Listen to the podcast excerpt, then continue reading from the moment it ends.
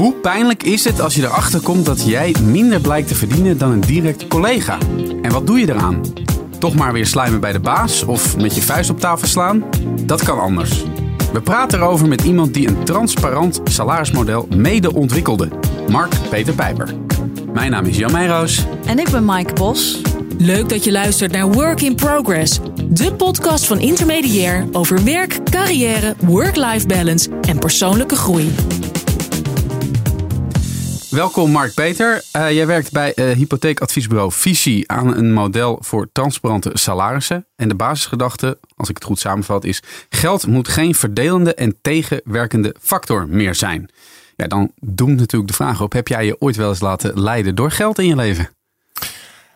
Vaststel toch? Als het, als het gaat om werk, eigenlijk niet. Oh nee. Ik ben, uh, nou, ik denk 18 jaar geleden begonnen in de luchtvaart.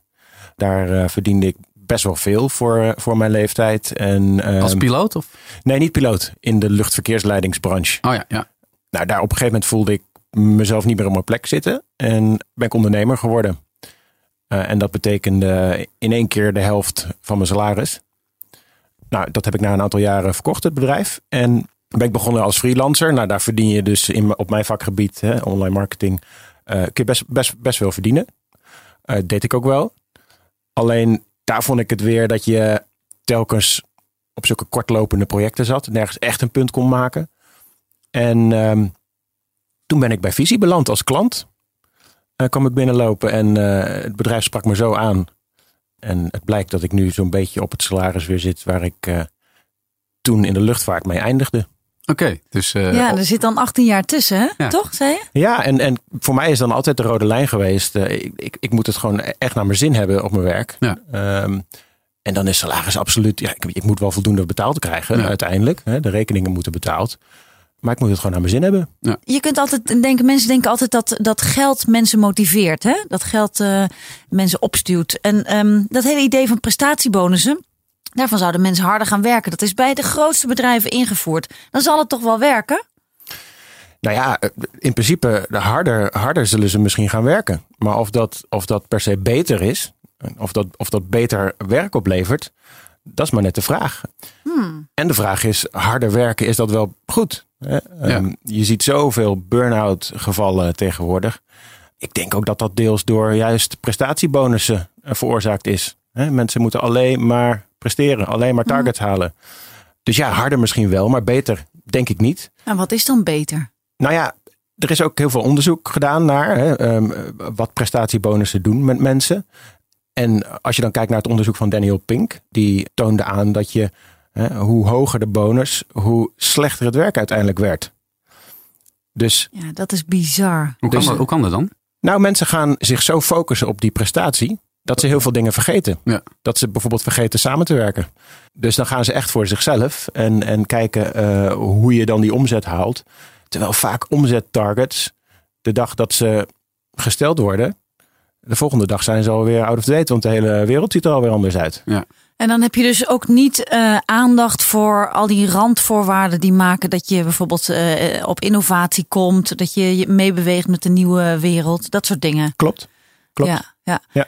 Het is net als dat je op school zit en je, je, je zit alleen maar te, te blokken voor je examen. Puur alleen maar van wat is de stof, wat moet ik leren om, om een acht te halen. Maar de hele context van waar, waar die stof uh, mee te maken heeft, wat het eigenlijk zegt, dat laat je dan liggen. En zodra je dat examen hebt gedaan, ben je het weer vergeten. Zo, Ja. zo Ja. is het een beetje. Ja, dat klinkt heel herkenbaar dit. Ja? nou, zo deed ik het niet hoor, Jan.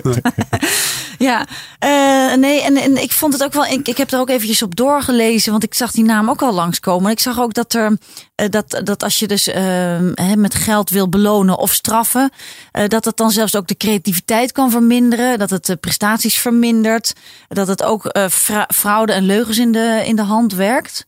Ja, is dat allemaal maar omdat je voor het ego gaat, voor het eigen gewin? Zou kunnen. Um, ander onderzoek van Kilian hè, een Nederlander die heel veel onderzoek heeft gedaan naar bonussen en wat belonen betekent. Daaruit blijkt ook dat als jij weet dat een collega meer verdient dan jij voor hetzelfde werk, ja, dat dat ook demotiveert als een gek. Ja. En dan gaat het over eerlijke verdeling. Ja, ja, ja. ja dat is wat anders, ja. ja. Ik kan me uh, wel voorstellen dat je ziet ook bedrijven die geven gewoon collectief een bonus aan hun medewerkers. Mhm, Dus dan hebben ze, als ze gewoon een goed jaar hebben gedraaid, dan krijgt iedereen gewoon een extraatje. Dat soort dingen zie je dan ook wel weer dat dat wel werkt. Eh, ik, ik weet dat Kilian dat ook heeft gezegd. De praktijk bij ons leerde dat we juist eh, op dat punt ook feedback kregen. En zeiden van ja, eigenlijk gaan wij ook niet harder of beter werken als dat in ons verschiet staat. Hè? Dus geef ons gewoon een goed basissalaris. Ja. En dan gaan we puur op intrinsieke motivatie gaan we, gaan we wel aan het werk en onze Nou, doelen halen. Ja, ik heb in mijn nabije omgeving eh, is er iemand die, is, eh, die werkte ergens eh, relatief kort en die is weggekocht of weggehaald door een recruiter. Ja, als je dan een beetje doorvraagt, is het toch wel dat ze toch meer gaat verdienen. Het blijft toch wel een soort primair ding. We hebben ook binnenkort het Nationaal Salarisonderzoek. En blijft toch wel dat de, de, de- het salaris is toch wel een hele belangrijke, als zodanig nog steeds wel een hele belangrijke motivator. Maar jij zegt gewoon, zorg je gewoon dat je je medewerkers gewoon een goed basissalaris geeft. Nou ja, het is vaak, het, het is vaak ook heel rationeel. Hè? Als je ergens weggaat en, en je hebt het er dan over. eh, en dan komt het gesprek al snel op. Nou, wat ga je daar dan verdienen? Ja. Dat is dan een beetje de, de standaardvraag. Ja, en, en als dan blijkt dat je meer gaat verdienen. Dan denken ze vaak van, oh, dan is dat vast de reden geweest. Terwijl ook weer diezelfde eh, Kilian Wawoe onderzocht heeft. Ja, wat zijn nou eigenlijk de redenen waarom mensen weggaan? En dan komt salaris niet eens in de top 10 voor. Daar gaat het echt alleen maar over slecht management, eh, slechte teamsfeer, onhaalbare targets, dat soort dingen. En dat zijn wat mij betreft dan ook de dingen die je eerst moet oplossen. Ja. Salaris komt pas veel later. Ehm, wat ik wel interessant vind, want het- we hebben het ook over transparante salarissen. En he- in heel Nederland is het toch een soort taboe om te vragen: wat verdien jij nou eigenlijk? Waar heeft dat dan mee te maken? Ja, dat, dat zit misschien ook een beetje in de Nederlander. Hè? Eh, een beetje de Calvinistische achtergrond. Ja, ja. Hè? Als je in Amerika kijkt, ja, dat, dat, is, dat is gewoon het eerste wat je vertelt op een feestje. Maar dat Eh, is ook om op te scheppen, want Amerikanen scheppen op. Daar zit een andere motivatie Ja. achter. En, en dat, Ja. dat, dat geeft dan ook meteen een bepaalde status. Ja. Eh, maar in Nederland zijn we dat gewoon niet gewend. Maar is het ook omdat het gekoppeld wordt aan prestaties? Dat het lijkt als je meer verdient, dat je dan beter werk doet. Ja, we, we zijn uiteindelijk ook in een, in een situatie beland, denk ik, waarbij. ehm, ik, ik las daar laatst een boekje over eh, van eh, Dan Ariely. Een hele bekende gedragswetenschapper. Ja, er staat nu een prachtig interview van eh, op intermediair.nl. Oké. Ja. Nou, waarschijnlijk over zijn boekje, zijn nieuwe boekje over motivatie. Ja. En daarin schrijft hij eigenlijk dat, dat, dat, dat de grootste fout die mensen kunnen maken of bedrijven kunnen maken als ze het hebben over salarismodellen op te zetten, is dat ze alles telbaar proberen te maken. Ja. Alles willen ze in puntensystemen, in prestatiedingen, Ja. in ontwikkelingsdoelen. Maar dat is, dat is een beetje de, de, de. Dat is ook een beetje dat. Door, door al, dat alles data gedreven is tegenwoordig. Je kunt Ja. alles helemaal kapot Ja. analyseren. Hoe Ja. vaak wordt iets gelezen, Ja. hoe vaak iets- wordt iets geluisterd. Deze podcast ook, die kan je helemaal tot op de minuut na luisteren. Wanneer mensen afhaken, wanneer mensen weer inhaken. Dus dat is nog maar een soort micro-ding. Maar Ja. dat, kan je- dat, dat Ja. zie je op de werkvloer natuurlijk ook. Voortdurend. Exact. En, en het grote punt is dat als het gaat om de echt belangrijke dingen, motivatie, betrokkenheid, ehm, ga je met, met, met zin naar je werk, ja, dat is helemaal niet telbaar. Nee. En dat kun je helemaal niet in een puntensysteem eh, doorvoeren. En wat wij zeggen is, is wat je juist wel wil met zo'n salarismodel, is dat mensen vrij kunnen zijn. Hè? Dat mensen autonoom kunnen zijn, dat ze zichzelf kunnen ontwikkelen en, de- en dat je optimaal als team samen kunt werken. Ja.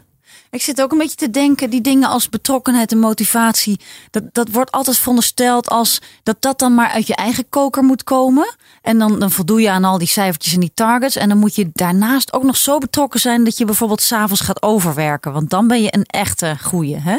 Eh, Maar dat leidt dus tot, tot die burn-out. Maar Ja, ik vind, ehm, hè, en, en eh, men zegt altijd ehm, eh, dat het slecht is om een 9 tot 5 mentaliteit te hebben.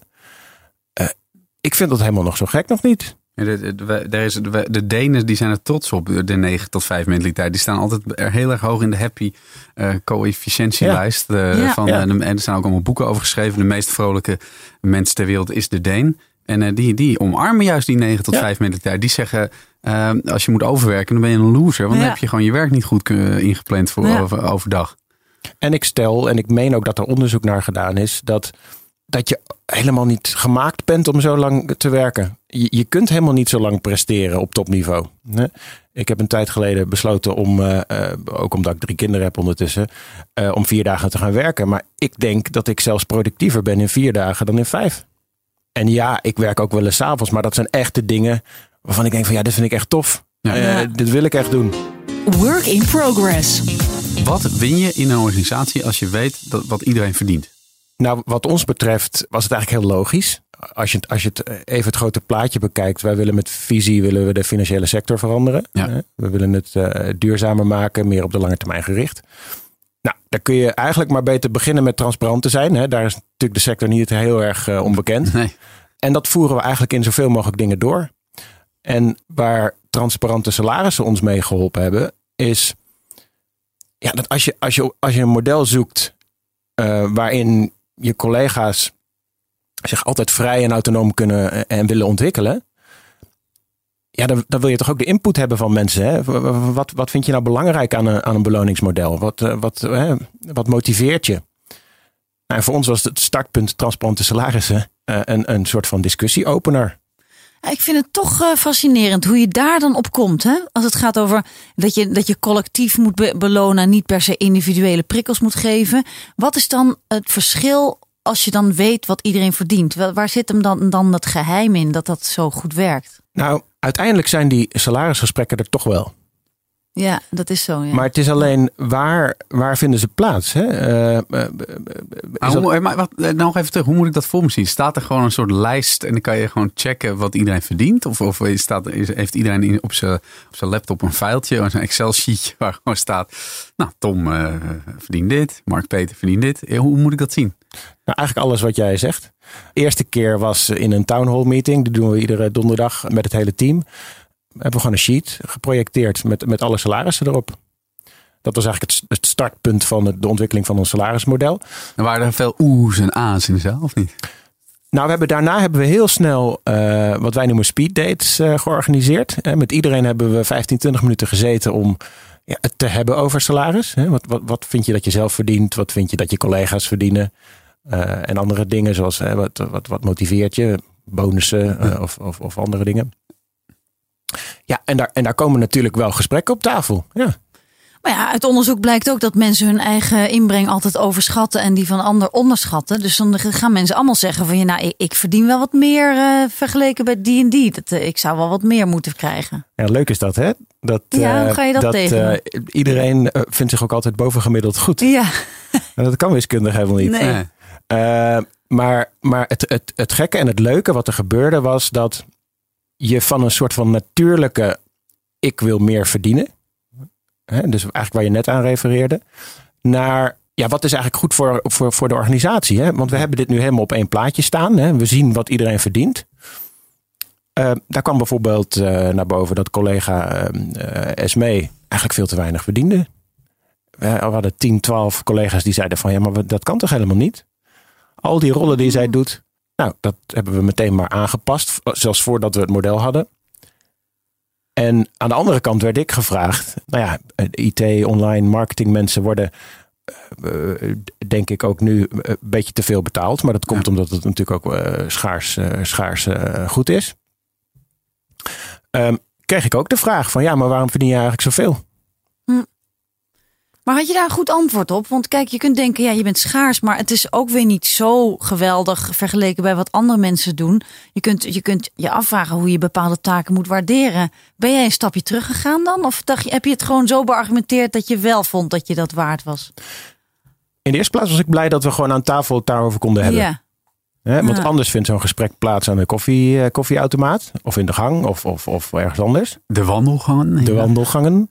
Nou ja, die vindt vaak niet plaats omdat mensen het helemaal niet weten van ja, elkaar. Ja, correct, of, correct. Of, of, een beetje zo sneaky. Ja, half. Ja. Ja, ja, die zal wel veel verdienen. Ja, Of uh, weet je wel wat zij verdient en uh, dit en dat. Ja. En, en ik heb ook heel eerlijk geantwoord. Ik zeg van ja, ik, ik, ik voel de druk ook wel. Hè? Uh, en het was, ik was dat toen nog niet zo lang werkzaam. Ik zeg van ja, ik heb wel een soort van, ik moet me wel bewijzen. Uiteindelijk bleek in ons salarismodel dat ik iets te hoog zat. Dus mijn salaris heeft stilgestaan de afgelopen, afgelopen twee jaar. Ja. ja. Nou, wat ik dus hierin hoor, is uh, bij die, om terug te komen op die vraag: wat win je nou eigenlijk als, uh, als je weet wat iedereen verdient? Dat dat vanzelf een soort nivellerende, ja, een eerlijkere verdeling met zich meebrengt. Dat je dus inderdaad ziet, ja, die verdient eigenlijk wel te weinig of die verdient eigenlijk wel te veel. Dan ga je met z'n allen, ga je toch dat een beetje gelijk trekken. Ja. En, en bijkomend effect is bij de ontwikkeling van zo'n model, je creëert ook automatisch meer draagvlakken, want je bent het samen aan het maken. er, is geen, er is geen achter gesloten deuren uh, dingetjes. Maar ja, waarom zou je draagvlak moeten hebben als mensen gewoon denken dat zij lekker net iets meer verdienen dan de ander? Zolang ze dat maar denken, is het ook goed.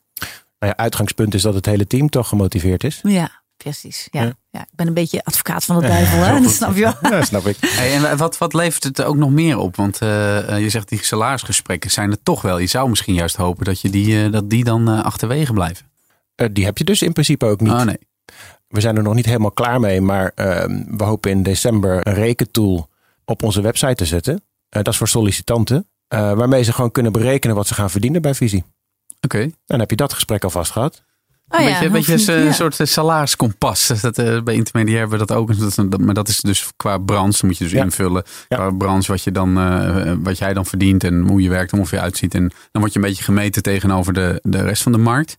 Maar dit is dan een soort iets vergelijkbaars in het klein.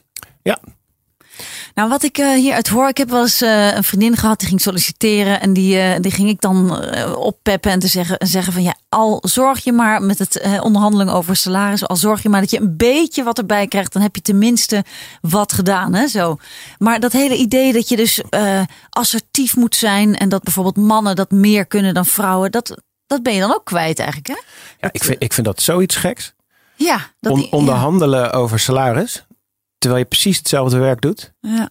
En uiteindelijk komt het er dan op neer dat, dat degene met de grootste mond ja. gewoon meer verdient. Nou, Kilian Wawoe heeft een keer gezegd van wat helpt is als je het maar steeds blijft vragen, steeds blijft zeuren, dan wil zo'n HR-persoon op een gegeven moment vanaf. Dus die geeft je wat extra. Ja. En sommige mensen die, die zo bescheiden zijn en zichzelf zo voegen naar de organisatie, die vragen er niet de hele tijd om en die krijgen dat dan niet. Ja. ja daar ben je dus allemaal vanaf hè, als je dat uh, open uh, breekt. Ja, en dan, en dan in die situatie zijn het ook vaak de mannen die meer krijgen. En dat begint al, en dat is ook van Wawoe, leuk voorbeeld. Jongens krijgen ook altijd meer zakgeld dan meisjes. En dat is alleen maar omdat ze erom vragen. Ja, omdat ze erom zeuren, ja. Die zeuren gewoon veel meer. Ja, nee, ik... Uh, ja. ik weet hoe... Ja, ik zit even te Wat ben ik al misgelopen in mijn leven, joh. ja, of niet, ja. Ja. ja. Maar is iedereen er ook blij mee? Ja. Het heeft ons wel een tijdje geduurd. Uh, de ontwikkeling van het model. En we hebben ook moeten tweaken hier en daar. Wat is dat? Aanpassen, tunen, denk oh. ik. Ja, sorry. Die term ken ik niet hoor. Tweaken, ja. Waar, waar we eerst nog wel een teambonus hadden, uh, oh, ja. kwam later uh, eigenlijk uh, de opmerking vanuit de teams. Ja, maar um, ja, wij gaan er dus niet harder of beter voor werken. Dus ja, waarom, waarom hebben we dat eigenlijk? En uh, zie jij ook een, een, een organisatie die, uh, waarbij de salarissen transparant zijn en waar, waar toch nog individuele bonussen eventueel zijn? Of, of denk je van dat moet je gewoon niet willen?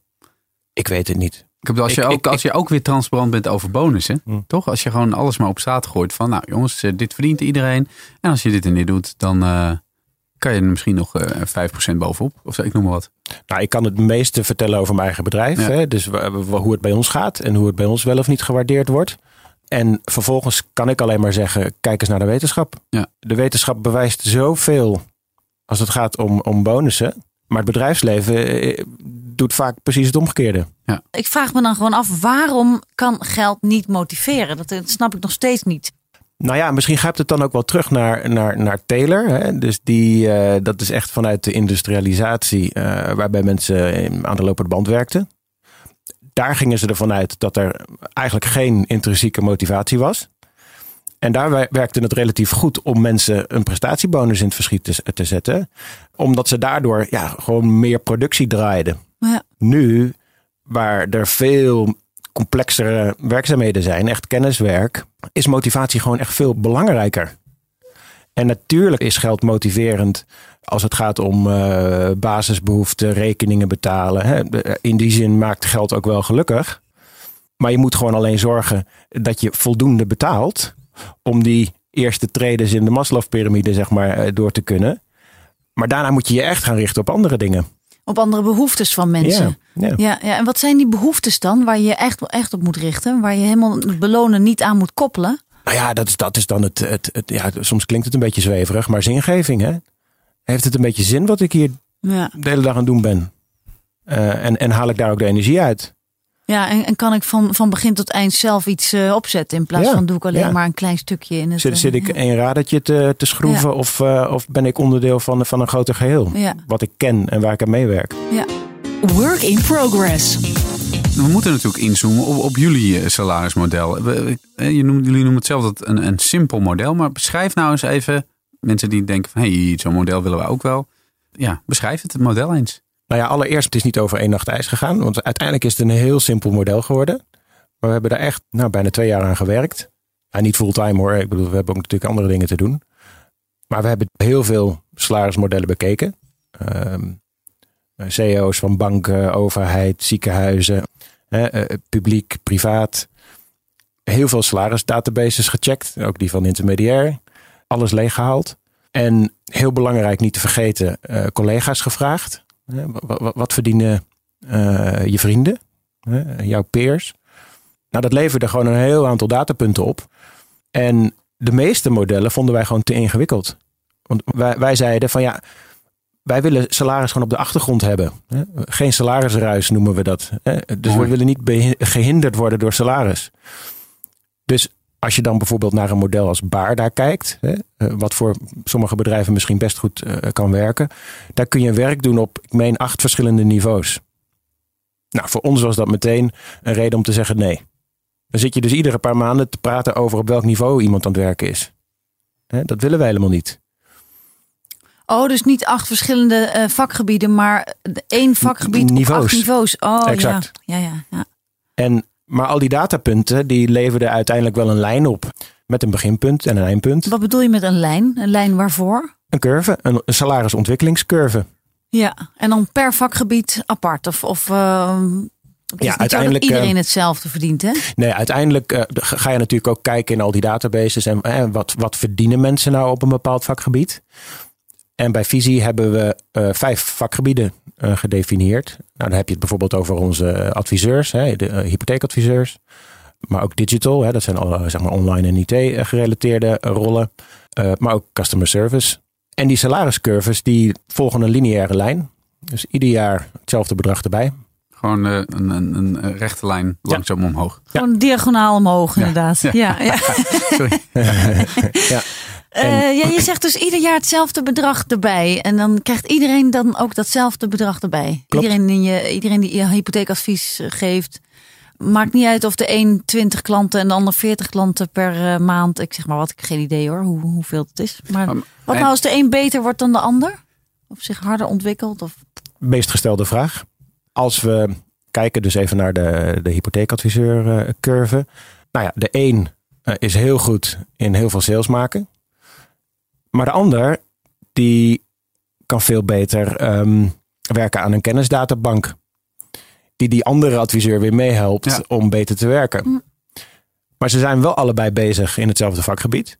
En wij zeggen, Het zijn alle twee nodig, alle twee hetzelfde erbij. allebei even Ja. waardevol. Ja. Ja. En is het dan zo dat je, je maakt dan wel onderscheid tussen wat de hypotheekadviseur ieder jaar erbij krijgt en customer service er ieder jaar bij krijgt? Ja. Dat het gewoon een ander eh, Vakgebied. vakgebied is. Ja. Ja.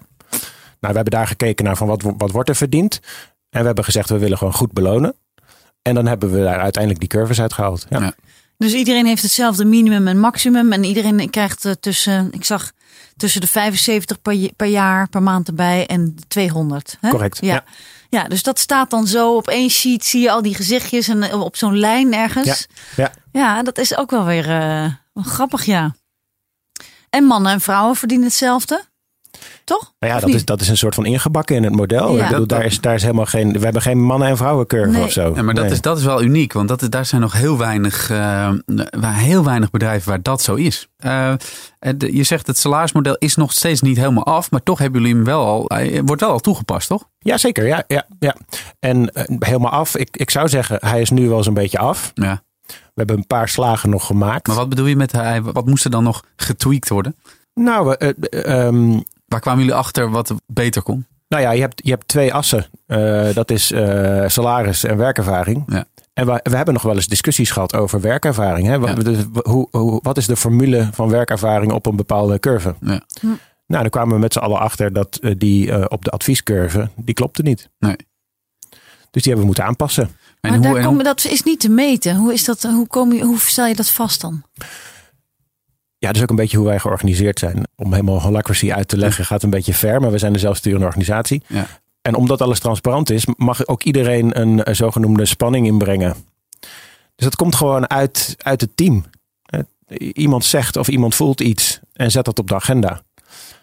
Nou ja, en dan ben ik als, uh, als compensation architect, ga daarmee aan de slag en zeg van oké, maar eh, zit hier wat in? Uh, klopt dit? Dus eh, was het dan zo dat iemand zei: Ja, ik heb eigenlijk wel meer ervaring dan dat ik op die lijst ingetekend ben? Nee, dat ging eh, specifiek wat meer over.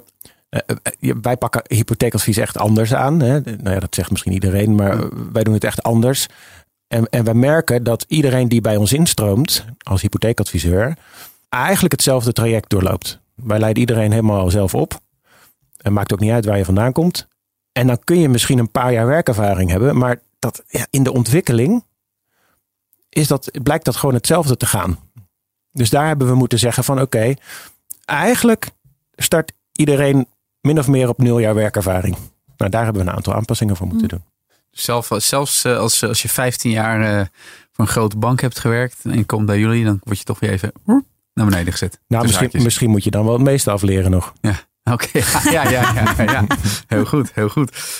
Wat ik wel interessant vind is eh, die holacracy, als ik dat heel kort samenvat. Het is dus niet zo dat je een vaste functieomschrijving hebt, maar je, je, je hebt wel ervaring in een vakgebied, maar je kunt, eh, ja, al die functies zijn opgeknipt in rollen en je mhm. kunt ook gewoon andere rollen op je nemen. Ja. En ik las in jullie model dat je minstens 80% in één vakgebied moet werken om in die salariscurve te zitten. Klopt. Maar er wordt ook gezegd van ja, je, je wil een structuur opzetten om mensen vrij te laten zijn en om uh, mensen taken te laten oppakken die bij ze passen. Dus wat nou als iemand gewoon gaandeweg zoveel taken bij elkaar heeft gesprokkeld dat 70% van zijn werk in die curve zit en de rest zit overal verspreid. Dat wordt dan toch heel ingewikkeld om dat dan om zo iemand te plaatsen. Ja, ik heb het zelf nu. Oh. Uh, nou, wel interessant. Um, nou, we hebben het eerder gehad dat iemand van een, van een curve is verwisseld. Hè? Dus die ging vanuit uh, um, maar zeg maar de customer service curve naar onze people and coaching curve. Uh, maar dat was echt omdat ze een heel aantal maanden veel meer rollen op die andere, in dat andere vakgebied deed. Hm. En dan hebben we op een gegeven moment gezegd van oké, okay, gaan we eens over hebben. Hoeveel werkervaring heb je eigenlijk op die andere curve? Maar kwam ze daar zelf mee naar jullie toe? Goeie, goeie vraag even. Ik weet niet ah. meer precies waar dat, waar dat ontstaan is. Ik denk gewoon in gesprek. Uh, maar als ik over mezelf nu nadenk, ik, ik zit natuurlijk op die uh, digital curve. Uh, maar veel van mijn werk de laatste tijd is gaan zitten in bedrijven ontvangen uh, die bij ons komen kijken hoe wij georganiseerd zijn. Aardig wat tijd gestoken in het salarismodel. Nou is dat niet ehm, nu structureel. Maar ja, de vraag kan wel eens een keer komen van... hé, hey, maar waar zit ik eigenlijk? Ja, want dat hoort dan bij die people... wat, hoe noemde je die nou, die, die curve? Uh, people and coaching. Ja, people and coaching. En als ik het goed heb, zit hij lager ingeschaald dan die. Nou, dat is best lullig. Ga je dan niet uh, op een gegeven moment denken van, weet je nou, wat, ik ga maar weer wat digital. Nou, misschien vind je je werk wel leuker. Ja, goede test. Ja. Nou, dat vind ik. Ja, maar, maar nu worden we een heilig boontje. Hè? Want je gaat heus wel denken op een gegeven moment van. Shit. Als ik te veel van die taken doe, dan, uh, dan ga ik flink in salaris omlaag. Dat moet dan ook gebeuren. Nou, omlaag gaat niet echt. Nee? Nou ja, dat is juridisch een beetje moeilijk. Oh. Uh, je zult dan uit dienst moeten gaan en dan echt solliciteren op een andere baan. Ik weet niet oh. precies hoe dat zit. Oh, ja. Uh, maar als, je, als het gaat om de ontwikkeling van ons model. Eh, ik heb uiteindelijk zelf twee jaar stilgestaan. Uh, totdat het salariscurve mijn ervaring weer inhaalde, zeg maar. Ja.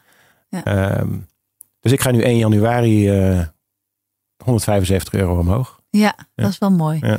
Maar ja, dat is misschien toch een gewetensvraag. Ik stel hem nog een keertje. Komt dat in je achterhoofd voor, die vraag van... oh, doe ik nou nog wel genoeg core business uh, om, om in deze curve te blijven zitten? Het leuke is, daar hebben we het ook over. Oh. Wat is nou eigenlijk onze core business? Dat is leuk, want wij krijgen nu zoveel bezoek. Nee, van jou persoonlijk nou ja, precies. Oh. Dus, uh, dus uh, waar moeten we ons zelf mee bezighouden? Ja, ja. En onderhand zijn bedrijven zelfs bereid om te betalen om te komen kijken.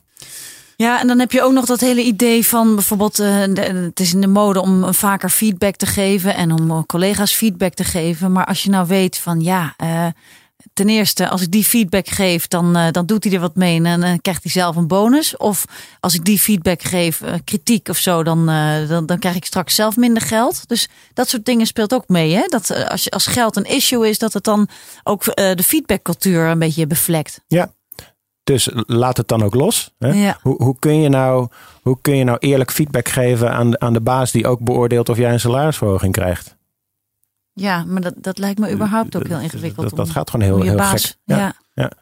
En op het moment dat je dus, uh, als het salaris gewoon cut and dry is, dan kun je gewoon heerlijk uh, tegen iedereen binnen een organisatie zeggen, uh, nou je bent eigenlijk gewoon een beetje een helemaal niet zo aardige baas, bij wijze van spreken. Of uh, ik vind dat je gewoon je veel te makkelijk over dit en dit denkt. Ja. En er komt ook nog eens bij, tenminste vind ik, soms heb ik ook echt wel medelijden met managers of leidinggevenden. Omdat daar wordt zoveel van verwacht. Ze, ze, ze moeten een coördinerende rol spelen. Ze moeten het werk verdelen. Ze moeten prioriteiten stellen. Waar werken we dit kwartaal aan? En er wordt er ook nog van in verwacht dat ze een, een softe kant hebben. Dus de echte coachende kant. Uh, van hoe zit je in je vel? Uh, waar werk je Mm. naartoe? Ja. En dan moeten ze ook nog eens een keer bepalen of er, of er, of er salarisverhogingen komen of niet. Ja. Ik zou zeggen, daar lopen er niet zoveel van rond hoor, die dat echt kunnen. Ja, En, en, en dan kom je vaak in dat, uh, dat, dat, dat Peter Principle. Hè? Um, die, die, die accountant die heel goed kan boekhouden. En het beste van het hele bedrijf. En die dan daarom uh, ja, teammanager mag worden. Het is vaak ook de enige mogelijkheid om meer te verdienen. Um, ja, maar zo iemand is natuurlijk helemaal niet gemaakt om, om leiding te geven. Die kan gewoon goed boekhouden. Ja. En vaak vinden ze dat ook helemaal niet leuk. En ik verdenk het er dan ook wel eens van dat geld, omdat dat vrij makkelijk is, dat dan heel snel weer uit de kast getrokken wordt. Voor zo'n manager die dat helemaal niet leuk vindt. Zegt van oké, okay, dan deel ik wel een bonus uit. Dan ben ik daar ook weer vanaf, van dat gezeur. Zo van dan is hij weer een tijdje stil of ja, zo. Ja. ja. Dat werkt ook misschien wel even, maar de onvrede blijft. Bonus krijgen ja. werkt zes weken. Na zes weken oh. is dat uitgewerkt. Oh. Uh, en, en daarna werkt het vaak ook demotiverend, zoals we ook eerder zeiden. Want mensen gaan het ook verwachten. Hè? Of ze denken, nou, ik ga nu niet echt mijn best doen, want ik krijg toch niet meer. Oh ja, je ook weer dat. Ja. Of het is niet eens haalbaar ja. wat, ik, wat ik moet doen. Ja. Heel veel bedrijven zijn, wat ik al eerder aangaf, toch wat traditioneel georganiseerd. Die luisteren dit, die denken, of werknemers die, die, die luisteren dit en denken van, oh, dat zou bij onze organisatie toch ook wel heel goed kunnen. Of ik zou me hier heel fijn in voelen. Wat, wat, wat, wat zou je tegen die mensen willen zeggen? Tot slot. Vaak ben je ook een beetje te bang, hè? En, en je ziet ook, met name bij grote bedrijven, dan zie je aan, wel aan het aantal uh, functies. Hoe, hoe scheef het eigenlijk verdeeld is. Met salarissen ook. Dat is, dat is gewoon, ja, dat kun je, dat kun je natellen. Dus, dus uh, vaak zijn bedrijven ook te bang.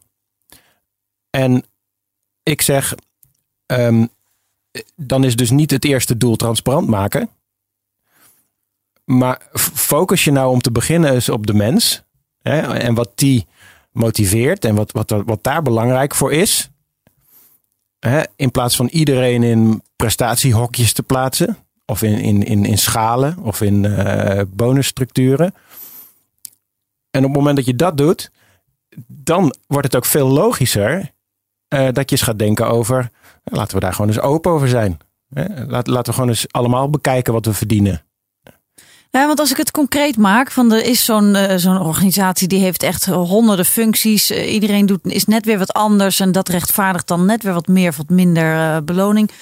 Maar oké, okay, dan ga je eerst naar die mensen en die motivatie. Maar op een gegeven moment krijg je toch dat verhaal over salaris. Ga je dan met je team eens een keertje zitten van nou, we gaan met de billen bloot. Iedereen, iedereen zijn salaris wordt nu opgeschreven. Dan krijg je eerst een heleboel gif natuurlijk. Van wat heb jij al die tijd meer verdiend? En wat, hoezo? En, maar dan, ja, het is volgens mij, dan gaat gewoon alles op de schop. Hoeveel mensen werken bij, bij jullie? Wij zijn nu met kleine 40 mensen. Oké, okay, dus dan, ja. het is nog best wat te overzien. Maar ja. ik zie echt niet zo dat Shell dit uh, morgen gaat ja. implementeren of zo, bij wijze van spreken.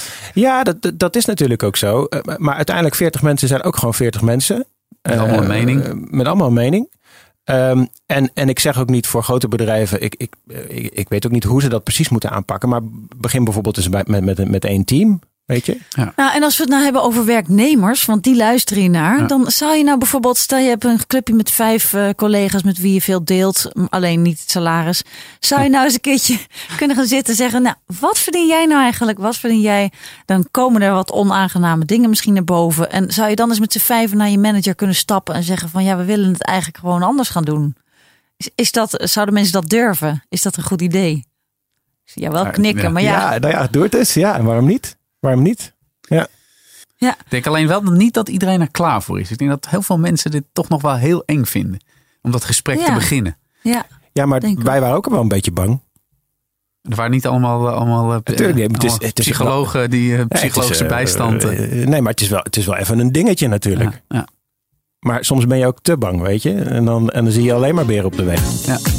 Eh, Dankjewel Mark Peter voor je komst naar de studio. Ik, eh, ik denk dat ik en vele luisteraars eh, nu net weer wat beter begrijpen wat er allemaal voor voordelen zijn als je je salaris gewoon transparant maakt. Leuk dat je luisterde naar Work in Progress en tot de volgende aflevering. Dag! Voor meer informatie over dit onderwerp, interessante vacatures en inspirerende opleidingen, check je intermediair.nl.